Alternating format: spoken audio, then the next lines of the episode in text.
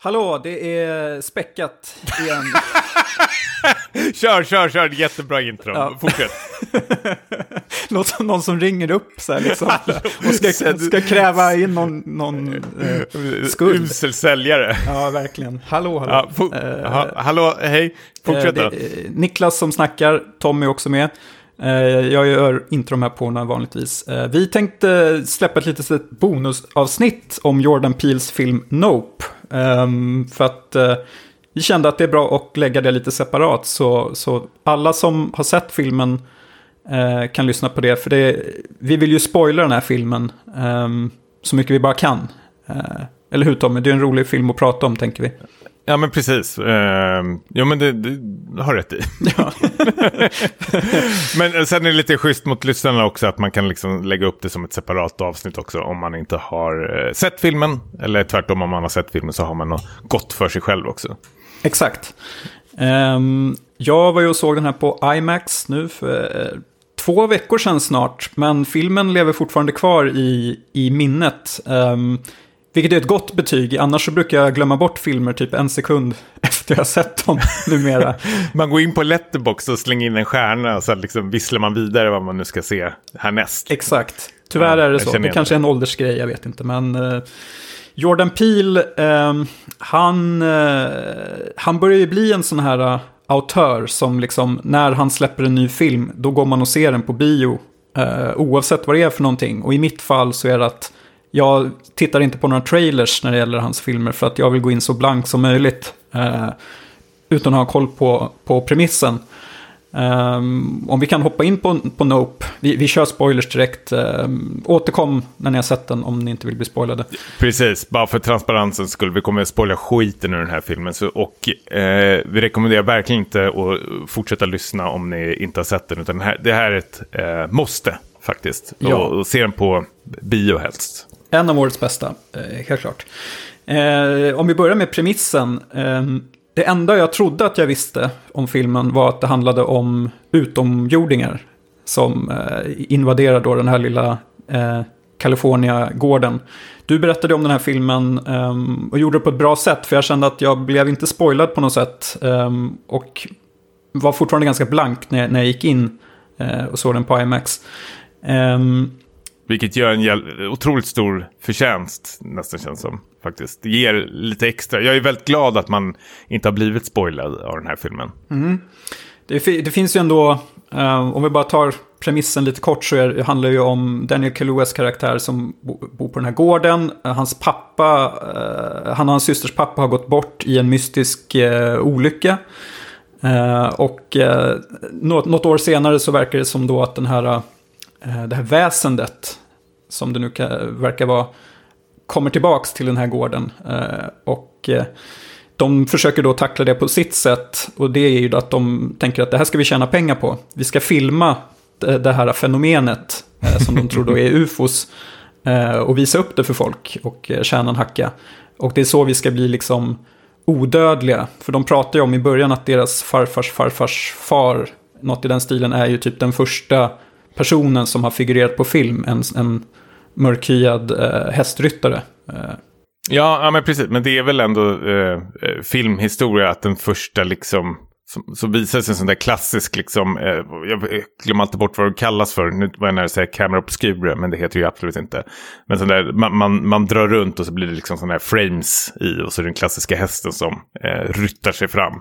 Så var väl det väl en eh, afrikan eh, som satt där ja, men exakt. Inte en afro, afroamerikan, utan det var väl någon från Afrika till och med. Ja. Det är väl- Känsligt nu. Nu, nu, nu, nu. Ja, men det, filmens poäng är väl lite så att det är ingen som har koll på det här. Vi har ju Nej. inte koll på det. Eh, att det, det borde kanske vara någon som, som det pratas mer om. Eh, så Jordan Peele försöker ju lyfta det.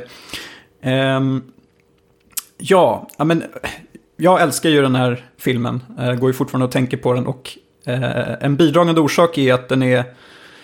Han har ju många idéer. Han vill ju säga någonting eh, med, med den här filmen. Och eh, man kan ju tolka det som dels att det är en kommentar till liksom hur eh, djur i in, Hollywood-inspelningar, hur, hur de liksom hanteras. Eh, och liksom människans liksom hybris. Eh, att så här, tro att vi kan få djuren att göra som, som vi vill, men det är svårt. Ehm, och även... Eh, Ja, man, man, fick lite vibbar också, särskilt på slutet där att vi, vi är väldigt så här, äh, upptagna med att liksom...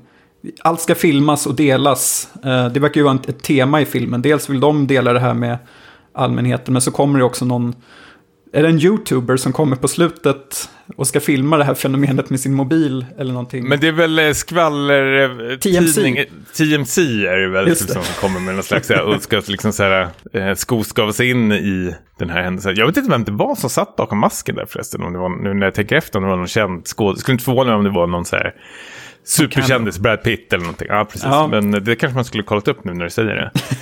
eh, men du, precis, du har en poäng också. Men sen är det ju också, på tal om djur, så är det det här med att liksom, jag tänker väldigt mycket på eh, Jurassic Park eh, och även liksom Hajen. Det här med att människorna ska liksom så här, lägga sig i i djurens liksom, så här, natur och liksom försöka liksom, tämja den eh, för sin egen liksom, vinning. Liksom. Eh, och, och, kan liksom inte, kanske inte ta konsekvenserna utav det.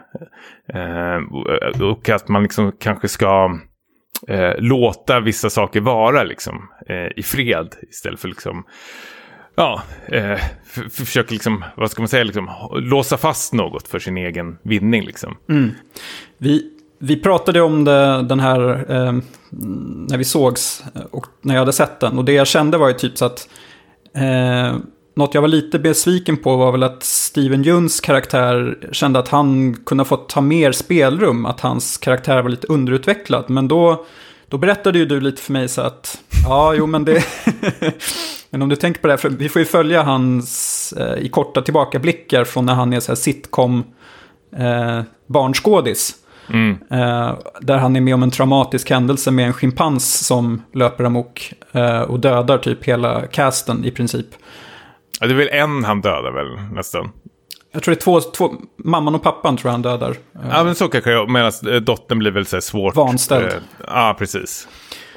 Um, men och att då liksom, för han i vuxen ålder är ju den här ranch, eller han, han äger en nöjespark. Mm. Apropå Jurassic Park då.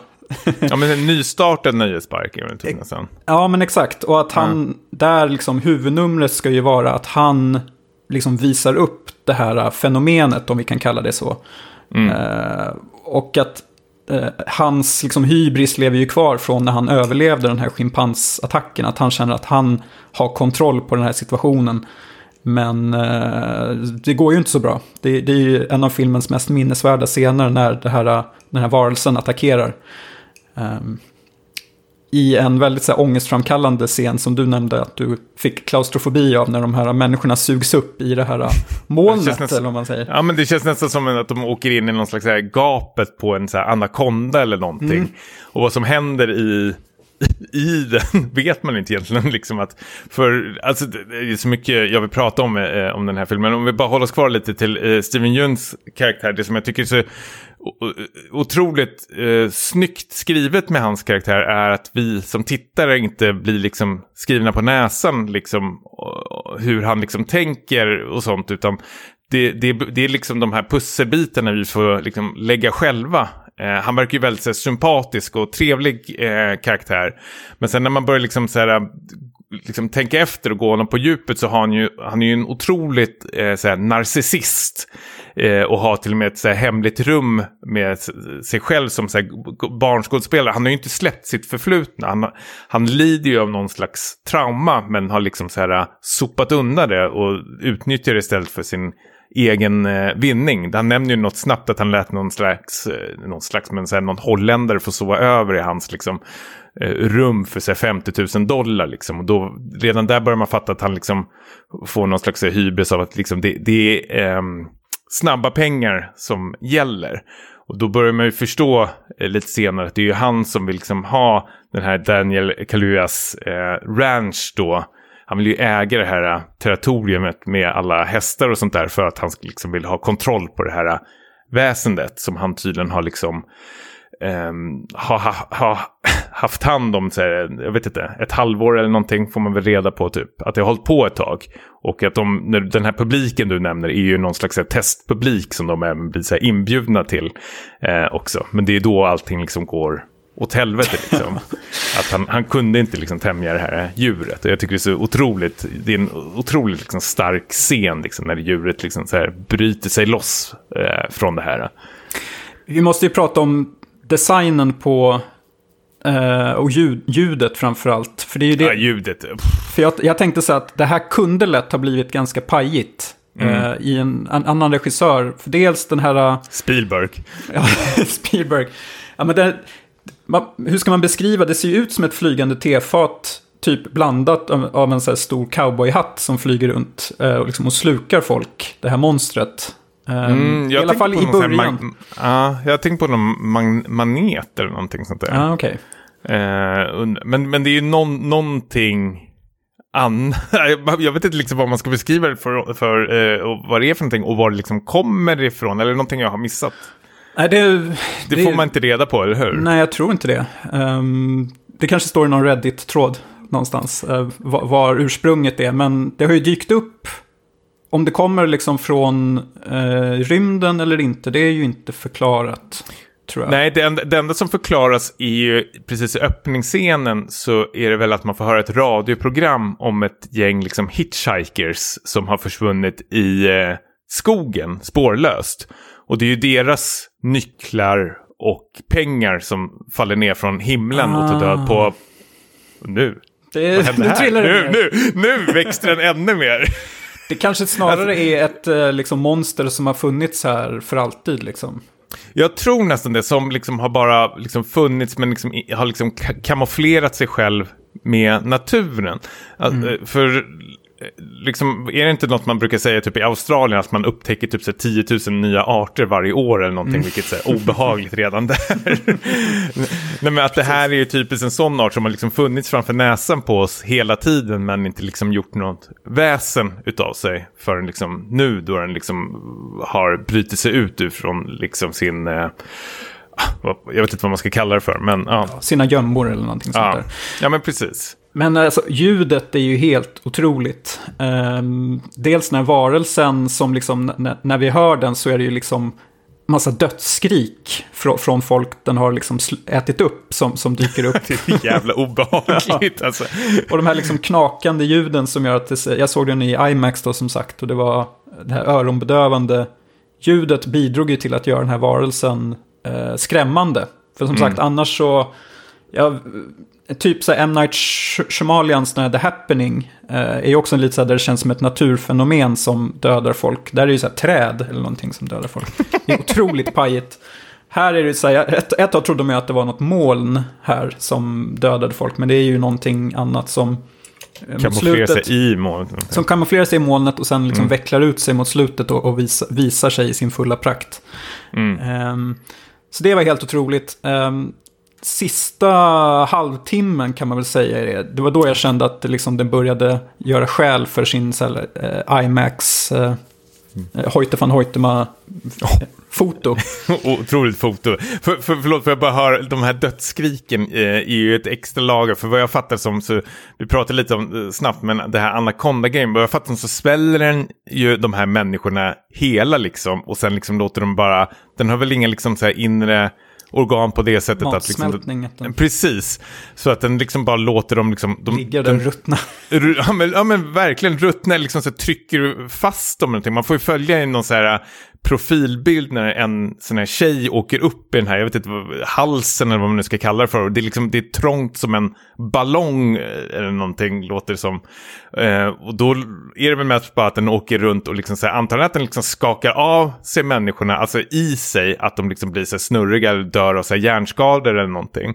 För sen liksom när alla människoorgan eller skeletten liksom smälta i den där grejen, att den liksom bara spyr ut det i sådana fall, när det här blodregnet kommer över huset. Ja, en av de starkaste bilderna. Det känns som en skräckfilm från, jag vet inte vad, liksom när det regnar blod på, ja, på ja, de men det är så människorna. jävla tufft alltså, hur de har uh, gjort utan att det blir, det är ju övernaturligt, men att det blir, det känns, man, man köper det här universumet, man köper det här djuret eller vad det är för någonting. För jag är så otroligt glad att det inte var ett, liksom ett ufo.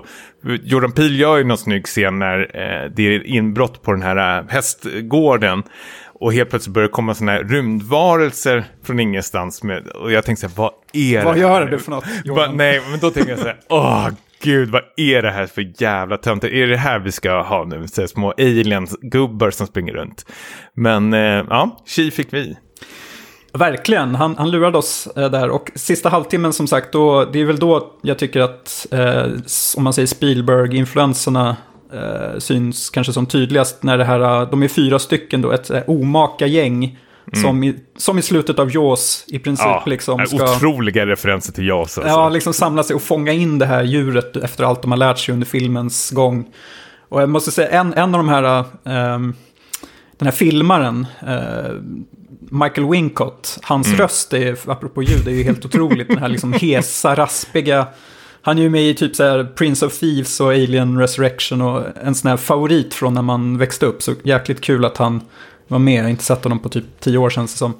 Men då när de ska jaga, liksom fånga in det här monstret och den gömmer sig i molnen, då känns det ju som att det är som en hajfena som dyker upp så här liksom i, i himlen då, fast under vattnet. Och även lite, jag fick lite vibbar av Twister, den här orkanfilmen. Mm, mm, absolut.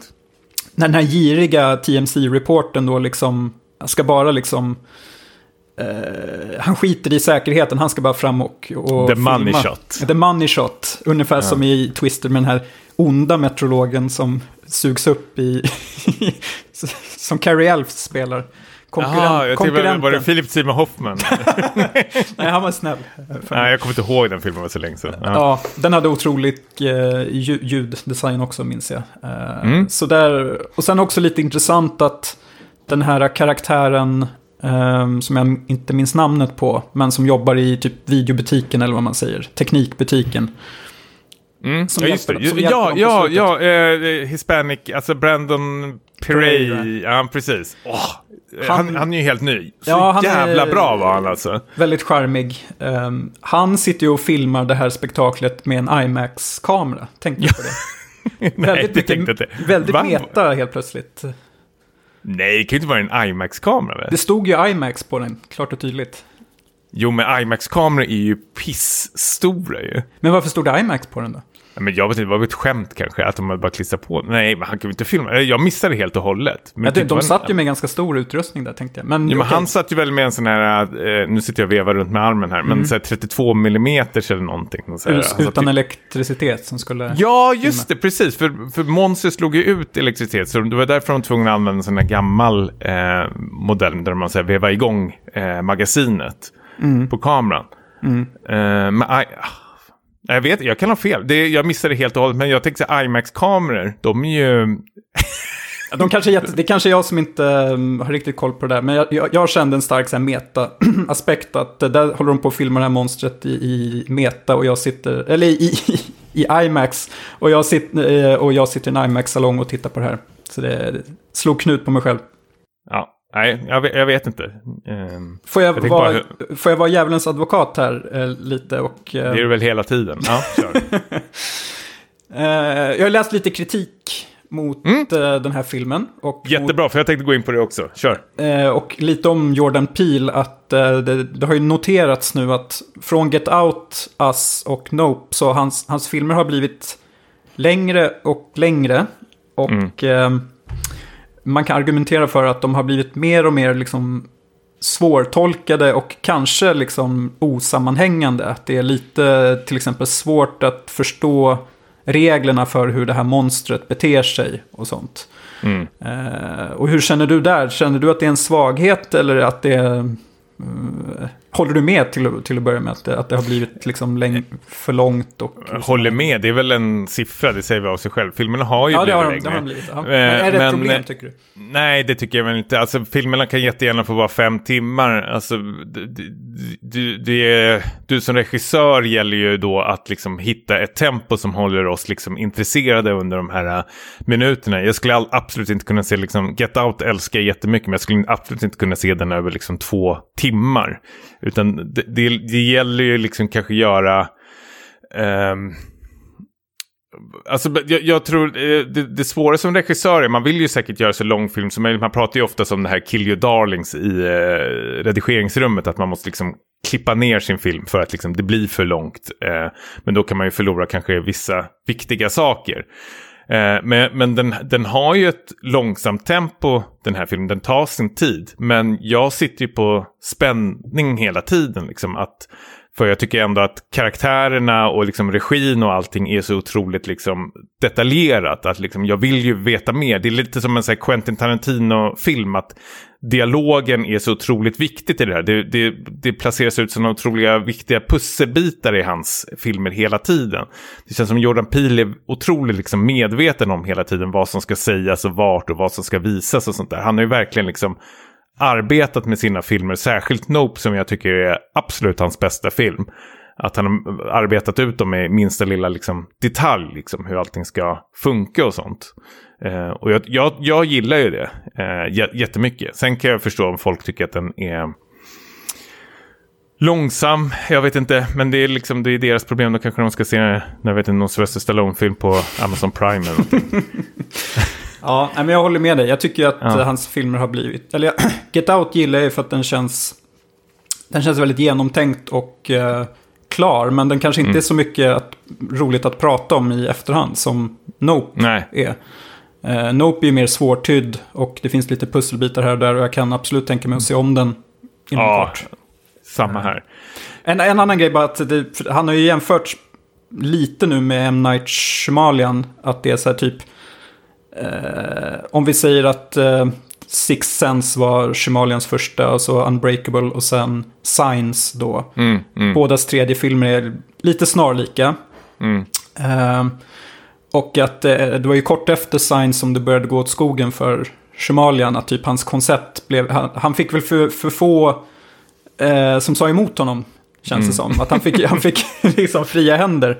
Vilket det känns som att Jordan Peele kanske får mer och mer också nu. Eh, men eh, för min del så tycker jag att Jordan Peele känns som att han vill säga någonting med alla sina filmer och att de därför är mer intressanta. Medan Shimalians Science är ju underhållande men det är inget man kanske vill återbesöka direkt. Nej, men M. Night Shyamalan, eh, han hamnade ju i något Fuck när han släppte med sjätte sinnet. För den fick ju en sån här otroligt stämpel att det var liksom, det var inte årets twist utan det var liksom decenniets, decenniernas, decenniernas största liksom filmtwist genom tiderna. Jag tror det finns en, en eh, det ska finnas en bok eh, där det är eh, M. Nights granne som har skrivit. Där, man får, där han följer liksom M. Night som går runt och har typ så skrivkramp för liksom, han ska liksom toppa eh, sjätte sinne-twisten. För det är det enda folk liksom pratar om. Att, och det har ju blivit liksom till och med ett skämt i mycket sådana här, allt från så här sitcoms till ja, filmer också. Att man pratar om liksom M. Night eh, Shyamalans twist liksom. Eh, och jag, jag tror han har väl liksom kanske utan att han själv velat det, man kanske har fastnat liksom i det facket. Liksom. Um, Medan liksom, precis som du säger så känns Jordan Peele kanske lite mer eh, utstuderad i sina eh, filmer kanske. Det handlar ju inte om twist utan det handlar väl kanske mer om liksom, resan dit mot slutet. Liksom. Att man bygger upp någonting hela tiden. Mm. Eh, jag skulle nog vilja säga att eh, Jordan Peele är liksom nutidens eh, Alfred Hitchcock. Mm. Faktiskt. Båda jobbar väldigt mycket med thrillers och, och skräck, men liksom hoppar, alltså de skiljer sig väldigt mycket eh, ifrån varandra och försöker liksom bryta ny eh, mark inom genren faktiskt. Eh, jag, jag, tycker han är absolut en av de bästa och mest intressanta levande regissörer vi har just nu, eh, faktiskt.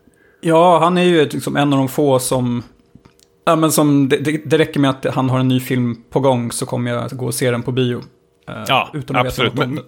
Jag vill veta så lite om den som möjligt. Liksom. Ja, och han, ja, men lite som Christopher Nolan också. Att man liksom vill hålla sig undan. Liksom, för man vet att det här kommer bli så jävla högt eh, produktionsvärde nu. Och jag tycker han faktiskt har eh, överbevisat oss nu till och med nu med de här tre filmerna. Liksom, att det, det, han har koll på eh, läget. Liksom, hur, hur man liksom skapar film och allting. Och, Eh, jag vill bara nämna en snabb grej också som den har fått väldigt mycket kritik över. Eh, Särskilt sen den släpptes på så här, video on demand där folk kunde typ eh, ladda ner den och sånt. Så åkte ju betyget ner rätt så rejält på IMDB. Men då är det väldigt många som tycker att eh, många, men det är en viss typ av människor som tycker det. Eh, jag läser till exempel en eh, kommentar här, så Peels obsession with race identity gets, gets on my nerves. Uh, och det, i Get Out var det ju verkligen uh, supertydligt. Men, uh, och där tyckte jag ändå att han gjorde en rolig grej utav det. Men jag tycker, vi har ju pratat om det lite i späcket, att det, det kan ju vara så här smått, inte provocerande, men att om man blir liksom så här matad med liksom sådana här äh, fingertoppsvisningar, liksom, äh, vad, vad, ska man säga, att liksom Ja, men så bu viktiga budskap som ja. liksom skrivs på näsan och hamras in. Precis, när man blir skriven på näsan. Lite, man brukar kalla det i tv-branschen apelsin-tv. Att någon håller upp en apelsin framför tvn och säger man det här är en apelsin. Alltså det, det blir för, för övertydligt. Men jag tycker absolut inte Nope har den. Liksom. Alltså, såklart att det finns, liksom, han har ju medvetet liksom, plockat de här skådespelarna, liksom, eh, tror jag också med sin eh, bakgrund. Jag tänker Steven Youngs karaktär eh, är ju gift med en ehm, eh, en vit tjej och de har ju tre barn tillsammans som är liksom eh, halvasiatiskt eh, utseende. Och liksom det, det, det, det är liksom den castingen där bakom känns ändå så här viktig. Att de har liksom gått igenom det, att det ska liksom kännas rätt eh, också. Och jag tycker ändå det är, det, det, för mig känns det ändå rätt så fräscht ändå att det blir, man pratar om att, att det är viktigt med mångfald och här känns det som att de även har fångat upp mångfald på ett otroligt eh, snyggt sätt utan att det blir liksom återigen skriven på näsan och det är skitbra tycker jag. Det är svinsnyggt eh, gjort faktiskt. Att alla får ta del av det här universumet utan att det blir liksom kladdigt på något sätt. Ja, det känns uh, okonstlat. Att det, mm. det, känns helt naturligt, de här karaktärerna. Så att det är ju inget man sitter och liksom stör sig på. Eller vissa har ju gjort det bevisligen, men uh, för mig var det absolut inga problem. Uh, ja, men där tror jag fan att det är... Det är problem hos dem. Ja, men alltså jag läste inte hela karaktären, men liksom det, meningen börjar bara redan så här, I'm a black guy and I cannot describe how much uh, Peels obsession with race identity. Alltså redan där hör man att det är någon slags Kritvit. vit, eh, kri, ja, Colgate-vit eh, högerextremist eh, som har liksom Troll så här, ja. trollat. Alltså det, då, då, då har man liksom eh, problem eh, redan i ruta ett eh, om det är en mörkhyad person som dyker upp eller asiatisk eller mm. något annat än eh, hudfärgen vitt tror jag faktiskt. Ja, jag tyckte det var återigen att det är så fräscht. För det är mycket så här western-influenser här också med att mycket hästar och, och sånt där. Eh, och det, det känns också väldigt spännande med den här casten. Att det inte är de här, det är inte Clint Eastwood som rider runt Nej. på, på hästen. Någon, en grej som jag tänkte på efteråt är ju också att vi har ju eh, systern... Eh, Kiki Palmers eh, karaktär va? Precis, eh, som är i filmen också. Och innan jag visste att det var systern så tänkte jag så här, åh oh, gud, bara inte någon så här, jag tänkte inte, men något jag tänkte på efteråt är att de liksom hade inga så här kärleksintressen och allting så fort. Oftast är det ju sådana här filmer också att det, det, det, ska ju vara en, en man och en kvinna med också, så ska det vara någon slags eh, kärleksförhållande tillsammans och de ska liksom rädda varandra och sen liksom kyssas i slutet. Eh, och det, det, var ju absolut ingenting eh, sånt alls i den här eh, filmen, vilket också känns väldigt, väldigt eh, skönt också. Utan det var att den höll sig så otroligt lokalt också mm. på sitt sätt. Ja, ja, men exakt. Det var ju inte de här äh, som du nämnde, att äh, det är inte liksom en, ett globalt fenomen, utan det är en isolerad plats. Och det är den här, liksom, mm. den här ranchen och parken där utanför Kalifornien. Det kändes som ett väldigt kul grepp, faktiskt. Mm. Uh, har du något mer som du vill ta upp? Nej, absolut inte. Men jag, den här är väl en av de få filmer som jag känner uh, växer mer och mer faktiskt. Så, otroligt glad att jag har eh, sett den här och fick se den på bio också. Det är en av de bästa bioupplevelserna jag haft på väldigt länge. Håller med. Den kommer vara med i racet för bästa film tror jag för eh, 2022. Absolut, absolut. Ja, men då ska vi tacka för oss då. Det var ett litet ja. bonusavsnitt. Vi får se om vi gör sånt här framöver också. Men det var roligt att prata om Nope. Det tror jag inte vi kommer göra. Nej, men, första och sista så förvänta er att det är första gången, sista säkert. Eh, ni får jättegärna kommentera i Discord-kanalen kanske om ni önskar mer sådana här små nuggets-avsnitt. Eh, men eh, ja, vi hade lite extra tid känner vi nu. Så. Ja. ja. Grymt. Tja. Hej.